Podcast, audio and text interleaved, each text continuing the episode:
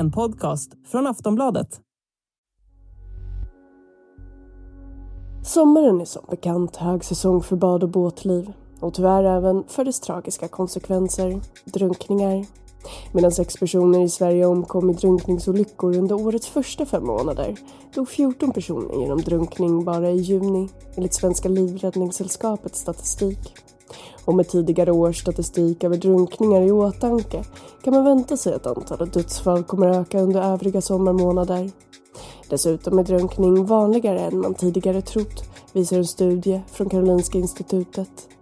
Så vad händer med oss när vi drunknar? Görs tillräckligt för att förhindra drunkningsolyckor? Och hur ska man agera om man bevittnar en drunkning egentligen? Det är några av frågorna som jag, Ronja de Bor, ställer till Andreas Claesson, docent vid Hjärtstoppcentrum på Karolinska institutet i dagens avsnitt av Aftonbladet Daily. Han har även del i studien som jag tidigare nämnde och får börja med att förklara varför drunkningarna ökar på sommaren.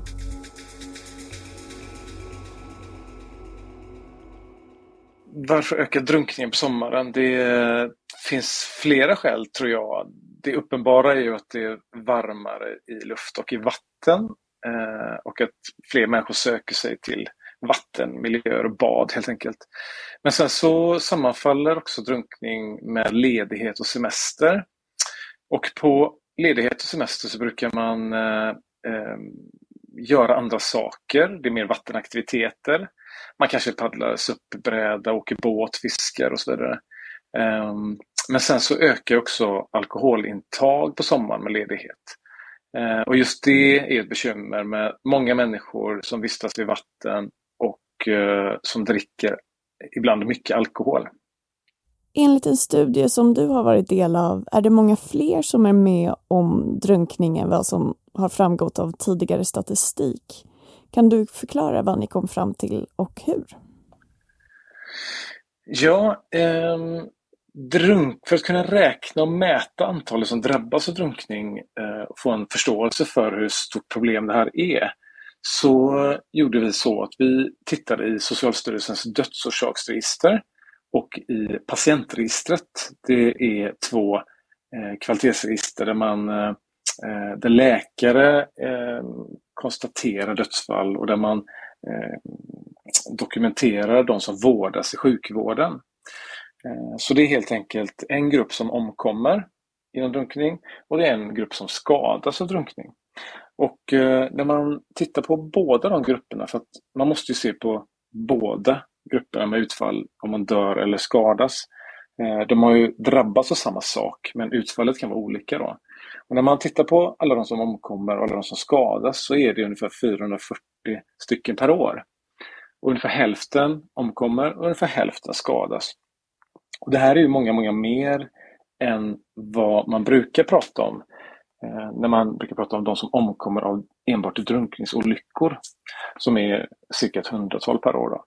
Så att eh, när man utgår från ett medicinskt perspektiv, man tittar på alla som är med om drunkning, alla som andas vatten, då är det ungefär 440 stycken per år. Och vad, eh, ja, vad innebär den här nya statistiken? Ja, den nya statistiken eh, liknar ju lite grann också det man titta på när man tittar på eh, skador och, och dödsfall i trafiken. Om man ska få till en säker trafikmiljö så måste man ju mäta och lära sig mer om de som dödas och omkommer och de som skadas. Och samma sak är det med vatten här, tänker vi. Att eh, för att kunna förebygga fler onödiga dödsfall och kanske barn, ungdomar, vuxna som får livslånga hjärnskador så måste vi också eh, ta reda på var inträffar de här händelserna. Eh, det kan ju vara så att eh, det är många som skadas i pooler, till exempel spabad eller och då måste vi också registrera och mäta dem för att kunna förebygga händelserna framöver. Och i studien observerade ni även en ökning av antalet drunkningsfall bland åldrarna 0 till 4. Vad vet vi om orsakerna till det? Ja, det är ju oroväckande att se att eh, små barn skadas i större utsträckning nu jämfört med tidigare. Vi vet egentligen inte varför det är så. Ehm, drunkning som helhet går lite grann neråt över tid. Men just i gruppen 0 till 4 år eh, som skadas som en drunkning så vet vi inte varför. Det skulle kunna vara så att det är mer oroliga föräldrar som söker vård oftare. Ehm, men det kan också vara så att det är riktiga drunkningsfall där det varit bristande tillsyn. Det kan vara mobiltelefon till exempel som har gjort att det faktiskt inträffar fler incidenter nu jämfört med förr. Vad händer då med oss när vi drunknar? Ja, vi människor är ju eh, byggda för att andas eh, luft och eh, om man då hamnar i situation där man andas ner vätska, vanligtvis vatten, om man andas in vatten i lungorna, då är det per definition en drunkning.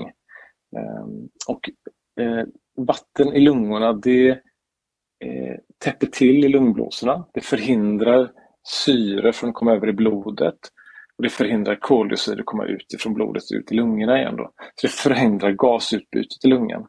Så det orsakar alltså en syrebrist, en svår syrebrist. Och eh, om man får tillräckligt mycket vatten i lungorna så att det blir tillräckligt mycket Eh, stopp i lungblåsorna och förhindrar gasutbyte och man inte får någon syre, då kommer eh, hjärtat att först slå lite snabbare och sen slår det lite långsammare och sen kommer hjärtat att stanna. För det finns ingen syre i hjärtmuskeln, det finns ingen energi i hjärtat för att orka pumpa längre då. Och då stannar hjärtat och står still. Så vattnet orsakar syrebrist som orsakar hjärtstopp. Aftonbladet Daily är strax tillbaka. A lot can happen in the next three years. Like a chatbot may be your new best friend. But what won't change? Needing health insurance. United Healthcare Tri Term Medical Plans are available for these changing times. Underwritten by Golden Rule Insurance Company, they offer budget-friendly, flexible coverage for people who are in between jobs or missed open enrollment. The plans last nearly three years in some states, with access to a nationwide network of doctors and hospitals. So for whatever tomorrow brings, United Healthcare Tri-Term Medical Plans may be for you. Learn more at uh1.com.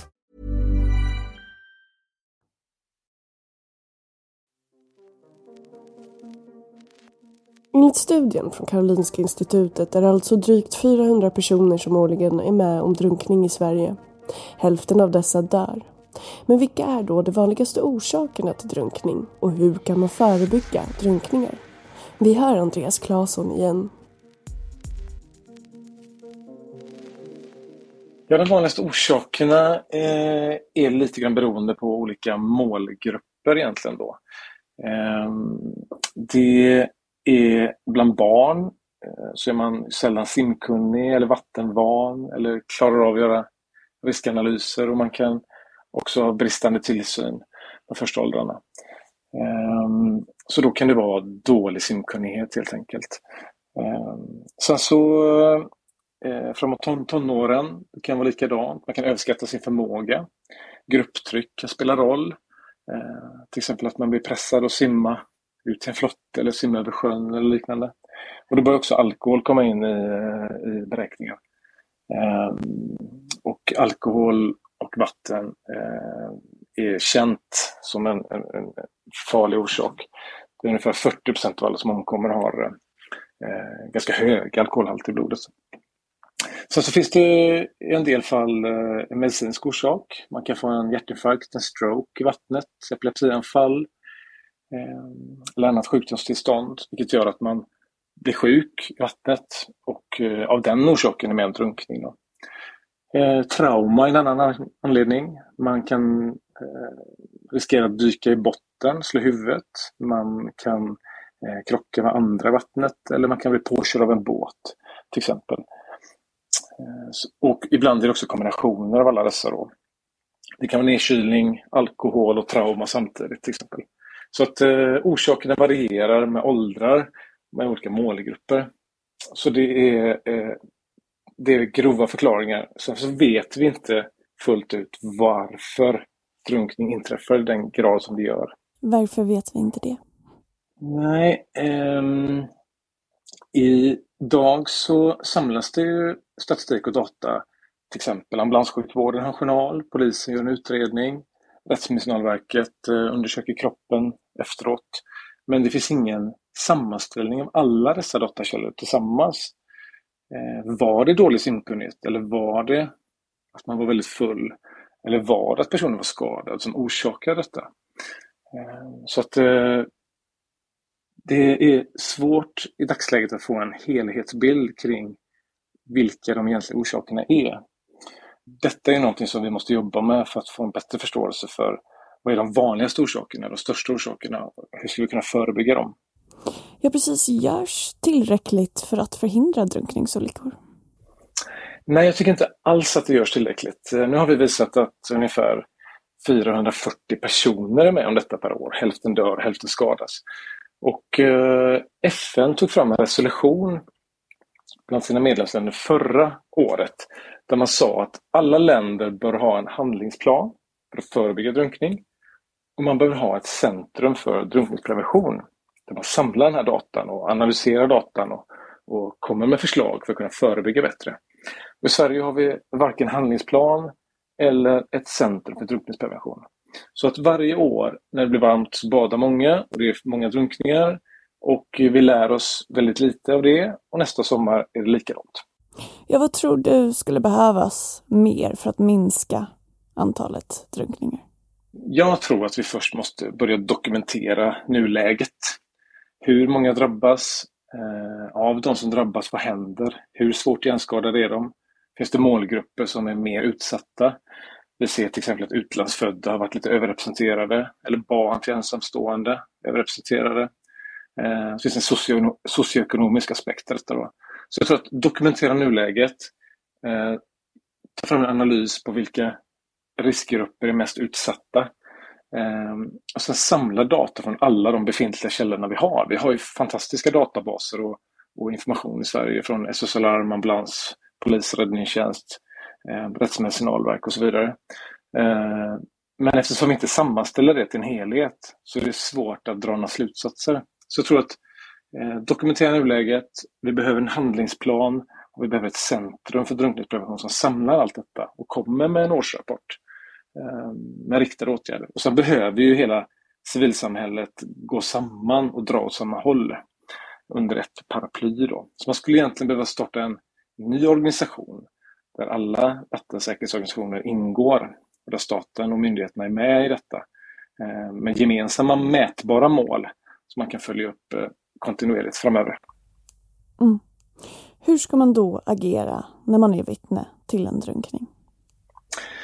Om man ser någon som håller på att drunkna så gäller det ju att eh, om möjligt eh, slå larm till 112 så att man får hjälp.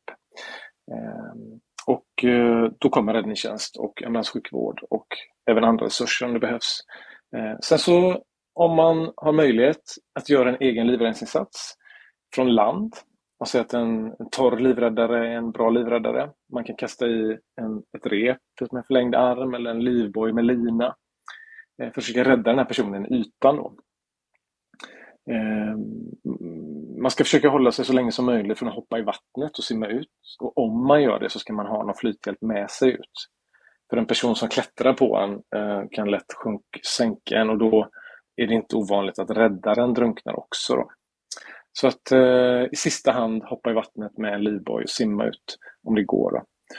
Eh, sen när man väl har fått in personen till land, antingen allmänhet eller ambulanssjukvård, så startar man hjärt-lungräddning. Då ger man först fem inblåsningar och sen så gör man hjärt-lungräddning med 30 kompressioner, två inblåsning eh, omväxlande hela tiden. 32, 32 hela tiden tills ambulansräddningstjänst kommer fram. Så den första insatsen med att larma 112 göra en vattenlivräddningsinsats om möjligt då, men samt starta HLR. Och då är det bra att ha gått en HLR-kurs såklart så att man vet hur man gör hjärt-lungräddning, både på barn och vuxna. Ehm, det är ju avgörande för överlevnaden innan ambulansen kommer fram. Och eh, kan du reda ut några myter som du stöter på gällande drunkning?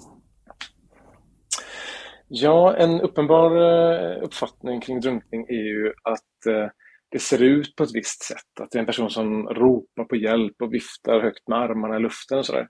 Och så kan det ju vara om det är någon som ligger i en isvak eller eh, har lite förmåga att hålla sig uppe. Eh, men vanligt är istället att man eh, kämpar för att hålla sig i ytan. Man orkar inte ropa på hjälp, man orkar inte lyfta armarna och eh, man sjunker under ytan.